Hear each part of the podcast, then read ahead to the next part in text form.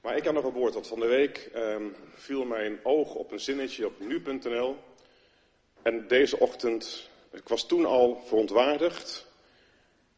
En deze ochtend moest ik denken aan Johannes 17 en het hoge priestelijk gebed. Maar op nu.nl daar staat, wie gelooft nog genoeg in het kindje Jezus om kinderen erover te vertellen?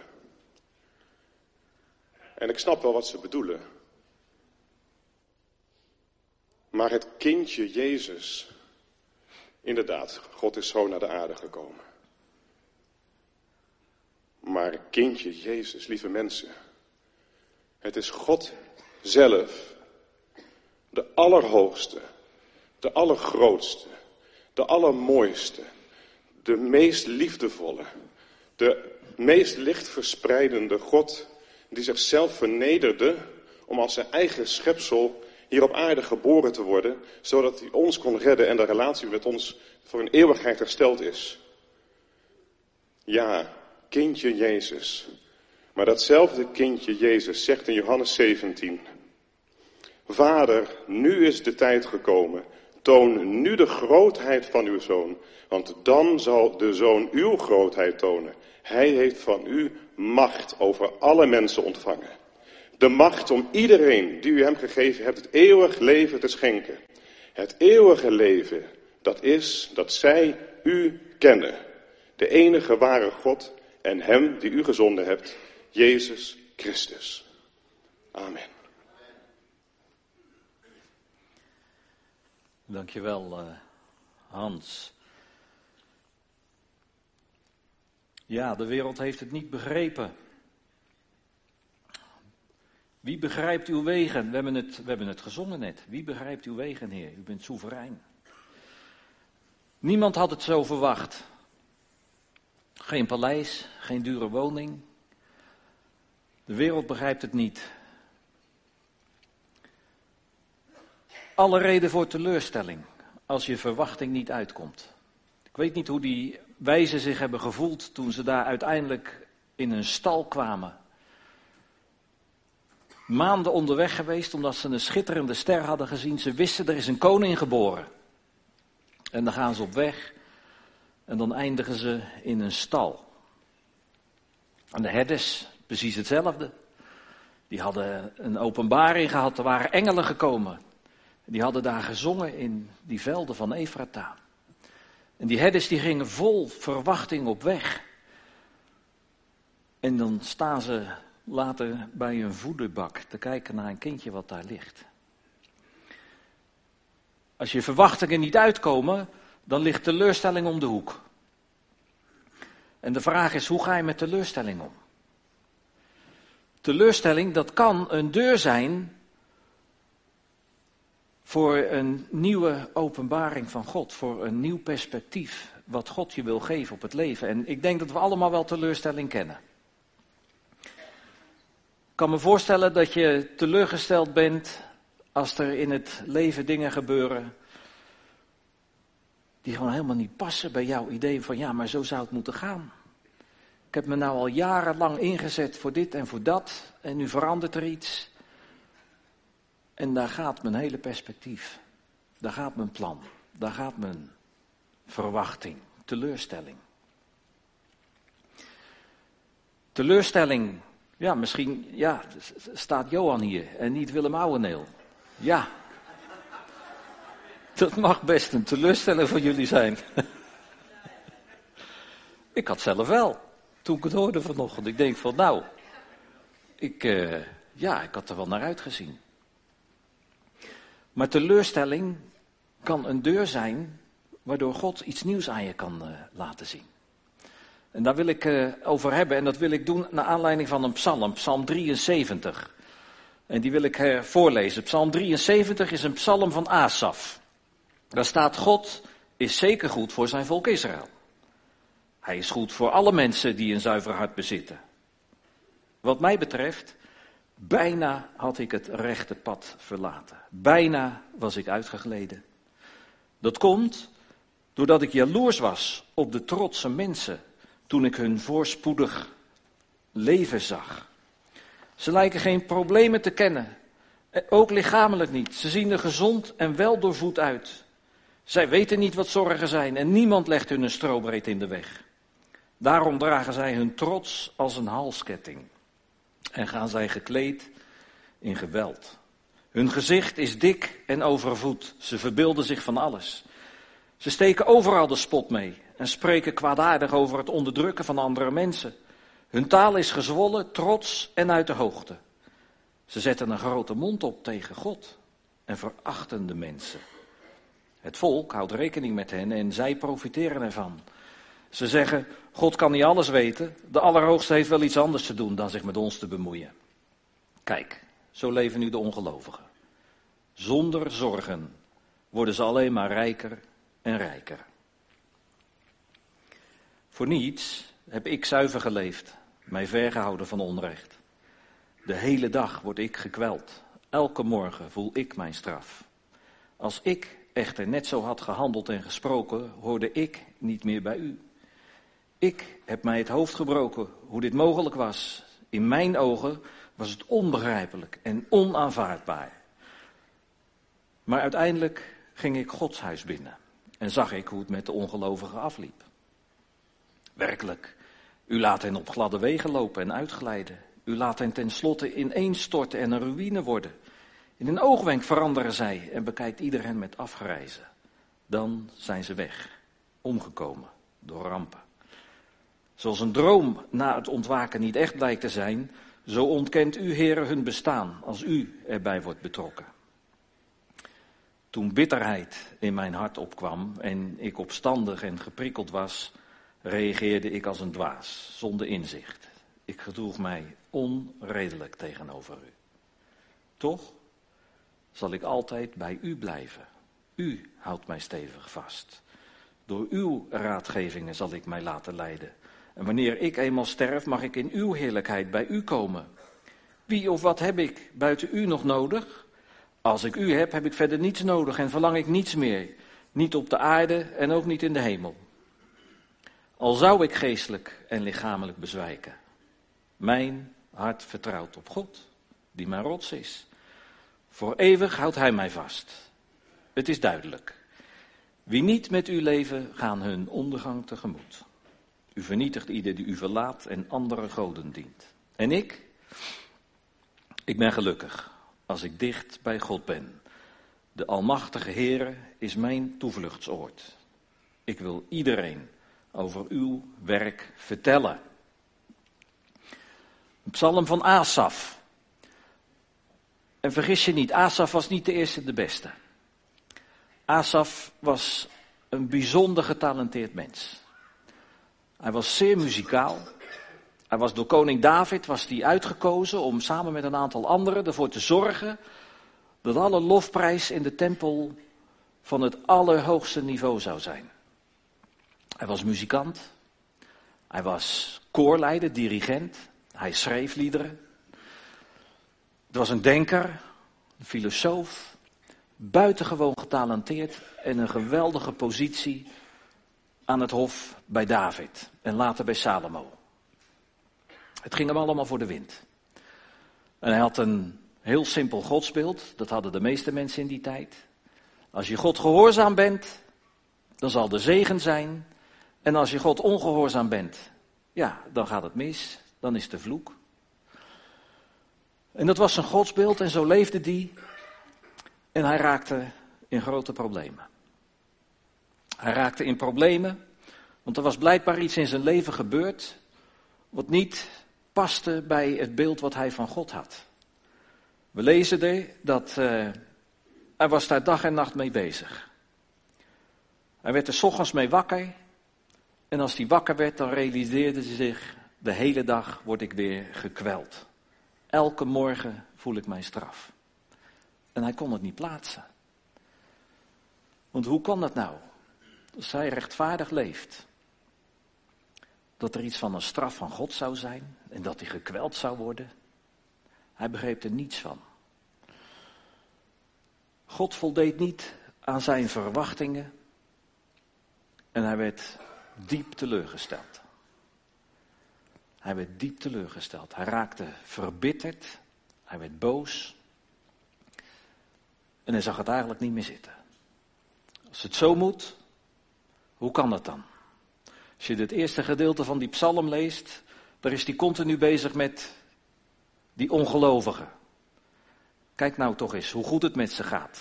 Ze zijn wel doorvoed, ze zijn rijk, alles lukt ze, ze zijn gezond, er is niets in hun leven wat ook maar enigszins tegen zit. Hoe kan dat nou? Ik ben die geweldige aanbiddingsleider. En ik ben die geweldige liedschrijver en die dirigent. En als ik wakker word, voel ik me gekweld. Ik ben diep teleurgesteld, God. Begrijp niet waar u mee bezig bent. Maar dit klopt echt niet. Dit past niet in mijn wereldbeeld. Hoezo soeverein? Hij was geprikkeld. Het werd een nare man. Een zure man. Geprikkeld. Hij had het helemaal gehad met zijn leven. Hij zag het niet meer zitten. Zijn beeld van God paste niet meer bij zijn realiteit. En wat ga je dan doen? Word je dan inderdaad net als Asaf teleurgesteld? Ga je God langs de meetlat leggen? In mijn ogen was het onbegrijpelijk en onaanvaardbaar. Dit kunt u niet maken. Dat was Asaf. En dan is daar die diepe teleurstelling, die we allemaal wel kennen. En dan is het de vraag van ja, hoe gaan we daar nou mee om? Verliezen we ons in zelfbeklag? Ik ben voor niets gehoorzaam geweest. Ik heb het allemaal voor niks gedaan, u gevolgd, u gediend. Of zijn we net als Asaf in staat om door te pakken? Zijn we in staat om net als Asaf het huis van God binnen te gaan? Want dat is waar in deze psalm de ommekeer begint. De omkeer begint in vers 17. Uiteindelijk ging ik Gods huis binnen. Dat was voor Asaf, was dat, ja, het nog in de tijd van David was, was dat de tabernakel. Want toen was er nog geen tempel. Maar als hij die psalm schreef in de tijd van Salomo, dan was het al die geweldige tempel die er gebouwd was. Maar het maakt uiteindelijk niet zo gek veel uit. Of het nou in een soort tent was, tent plus, of het was een geweldig mooi gebouw met allemaal goud. Hij ging Gods huis binnen, Gods huis. Hij ging op zoek naar God. Hij wist, daar moet ik zien dat ik de vrede opnieuw ga vinden. Dat ik mijn shalom opnieuw ga vinden. In Gods huis. Als je de tabernakel binnenliep, dan kwam je daar eerst bij een enorm groot brandofferaltaar. Daar werden de offers gebracht. Daar kon je opnieuw in het reinen komen met God, als er iets misgegaan was in je leven. En later in de tempel van Salomo stond dat altaar daar natuurlijk ook nog steeds. Maar dan was daar ook heel veel aanbidding en lofprijzing, want daar was hij voor aangesteld. En dat was daar in die tempel. Er was altijd lofprijs, er was altijd aanbidding. En in de tempel werd Gods woord onderwezen. En dat was de plaats waar Asaf naartoe ging. Naar de plaats waar er een offer werd gebracht om weer met God in het reine te komen. Naar de plaats waar Gods woord klonk. Waar die onderwezen kon worden. Naar de plaats waar lofprijzing was en aanbidding. En waar zijn gedachten niet langer werden gericht op hemzelf of op de mensen om hem heen, maar waar God opnieuw centraal kon staan. En dat werd voor Asaf de deur naar een nieuw perspectief. Hij ging leren om naar zaken te kijken vanuit Gods perspectief. En dat veranderde zijn hele leven. Het veranderde zijn hele leven, het veranderde zijn hele blik op God. Zodanig zelfs dat hij kon schrijven in die psalm, al zou ik geestelijk en lichamelijk bezwijken, al zou er iets in mijn leven gebeuren wat ik totaal niet begrijp, omdat dat niet past met mijn beeld van God, want als ik goed leef en God is rechtvaardig, dan zal ik toch zegen ontvangen. Nee, zegt Asaf, nadat hij daar geweest is, al zou ik lichamelijk en geestelijk bezwijken. Mijn hart vertrouwt op God.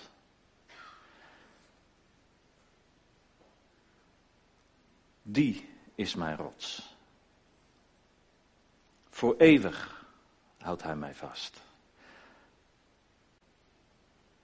Dat is de conclusie van Asaf nadat hij de tempel is binnengegaan.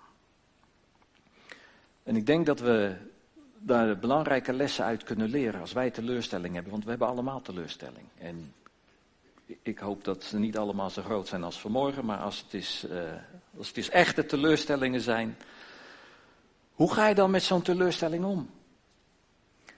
Ga je wijzen naar de ander? Ga je God ter verantwoording roepen?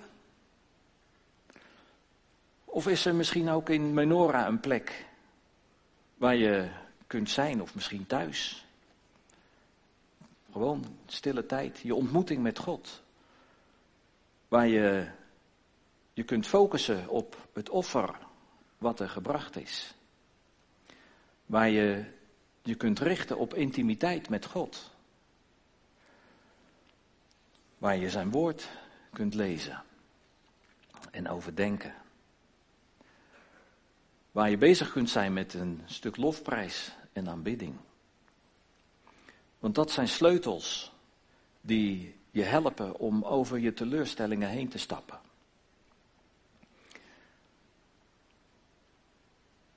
En dat is de les van Asaf voor mij.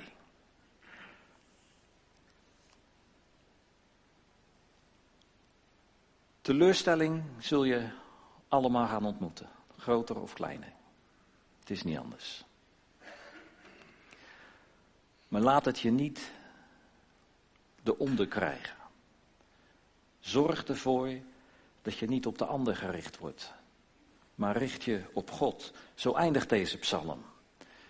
Nadat hij die intimiteit met God heeft ervaren, is het niet langer zij, is het ook niet langer ik, maar is het God en ik.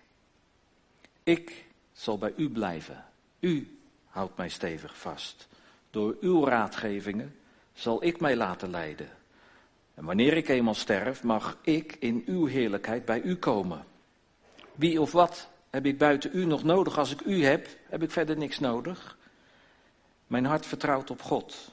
Voor eeuwig houdt Hij mij vast. De Almachtige is mijn toevluchtsoord. Ik zie een hand. Jij mag wat zeggen. Zorg dat je een microfoon hebt, dan kan iedereen je horen.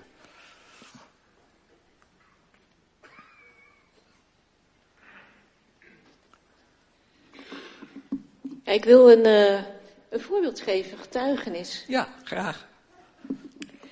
Um, ik uh, ben van de HAVO naar de HBO toe gegaan. En um, ja, mijn ouders hadden meer zoiets van, joh, ga lekker werken. En uh, waar daar eigenlijk niet zo voor, want uh, ja, het bracht allemaal kosten met zich mee. Maar ik was eigenwijs, ik ben toch gegaan. En uh, het was ook moeilijk om een kamer te vinden. Maar God heeft me daar doorheen gebracht. En ook met financiën en dergelijke heb ik toch op een of andere manier de HBO afgemaakt. En uh, daar was ik God heel dankbaar voor. En toen uh, vond ik geen baan. En ik hoorde om mij heen dat al mijn klasgenoten een baan kregen. En ik kreeg geen baan. En ik had, was een half jaar werkloos. Ik deed wel andere baantjes, maar dat paste niet bij waar ik, mijn opleiding bij paste. En ik snapte er helemaal niks meer van. En ik was eigenlijk best wel boos op God. Ik zei, ik heb zo hard gewerkt. Ik heb alles gedaan wat u wilde en nu dit. En het leek wel of alles tegen zat. En ik was echt, ja, er heel boos over. En toen kwam ik iemand tegen die uh, naar de kerk ging. Ik ging zelf trouwens niet naar de kerk toe. Mijn ouders gingen ook niet naar de kerk. Maar ja, dat is een ander verhaal. Maar goed, um, uh, ik, kwam iemand tegen en denk ik weer hoe God het dan weer leidt. Um, en die gaf mij een boek over uh, dat, ja, dat je bepaalde problemen hebt, maar dat je daar um, dat, dat God alles overziet. En dat je ook daarin gewoon dankbaar kan zijn voor elk moment dat hij elk moment in je leven, elke keuze in zijn hand heeft. En toen ben ik anders gaan denken en toen ben ik God gaan danken precies voor de situatie waarin ik nu zit. En dat gaf zo'n enorme bevrijding dat ik gewoon dacht, Heer, ik snap er helemaal niks van. U bent soeverein. Er staat in de Bijbel dat u liefde bent, dat u van mij houdt en elke dag voor mij zorgt. Ik snap er helemaal niks van en ik ga u gewoon danken voor de situatie waarin ik nu ben. En um, ik wil niet zeggen dat ik daarna nou weer een baan kreeg. Ik heb wel een baan gekregen uiteindelijk. Maar daar ging het helemaal niet meer om. God is elke dag bij je. En um, ja, we willen niet allemaal een, verwaande Jozef worden die dan met zijn kleedje loopt te pronken. Jozef heeft ook een hele um, lastige weg moeten gaan. Maar het maakte hem uiteindelijk een persoon die veel meer op God zelf ging lijken. En daar is het God om te doen. Dat wij steeds dichter naar Hem toe groeien, Hem vertrouwen en uh, met Hem bezig gaan. Dat wilde ik even delen. Dankjewel. Nou, mooi. Hoe kan teleurstelling ertoe leiden dat we meer op de Heer Jezus gaan lijken? Nou, dat is eigenlijk de boodschap uh, die ik jullie wilde meegeven vanmorgen. Um, zullen we daar nog uh, voor bidden? Misschien zit je zelf nu wel in een situatie dat je veel teleurstelling hebt. Dat je denkt, Heer, hoe kan dat nou? Nou, dan daag ik je uit om het huis van God binnen te gaan. En ik wil je daarbij helpen door te bidden met elkaar. Dus als je, ga maar, ja, misschien wil je gaan staan met mij. Dan gaan we bidden. Als jij teleurgesteld bent. Dat God deuren gaat openen. Want vader, ik wil u bedanken dat daar een plaats is waar we u kunnen ontmoeten. Ik wil u danken, vader, dat die weg weer helemaal vrij is. Ik wil u danken dat u uw zoon heeft gegeven waar we aan denken. Dat kindje. Wat een volwassen man werd, die zijn leven gaf om alles wat tussen ons en u instond weg te nemen. Dank u wel voor uw zoon. Ik wil u danken dat we bij u kunnen komen. En vader, als we teleurgesteld zijn in het leven, als daar zaken zijn die zo anders zijn gelopen in ons leven, dan wil ik dat bij u brengen. En ik moet denken aan verwachtingen die je hebt gehad in het leven. Denk aan, aan jonge vrouwen die verwachtingen hebben, die niet uitkomen of nog niet uitkomen. Je kunt teleurgesteld raken. Maar God nodigt je uit om bij Hem te komen. Om de intimiteit met Hem te zoeken. Want daar ga je vrede vinden. Vader, ik wil bidden voor de teleurstellingen die we met ons meedragen. De mensen die die teleurstellingen dragen. Ik wil jullie zegenen. Dat je de kracht vindt om het huis van God binnen te gaan. Om ondanks te aanbidden. Om ondanks je Bijbel te pakken, te lezen. Om ondanks broers en zussen op te zoeken. Er samen over te hebben. En te bidden met elkaar. Want God is niet veranderd. Ja, hij is soeverein.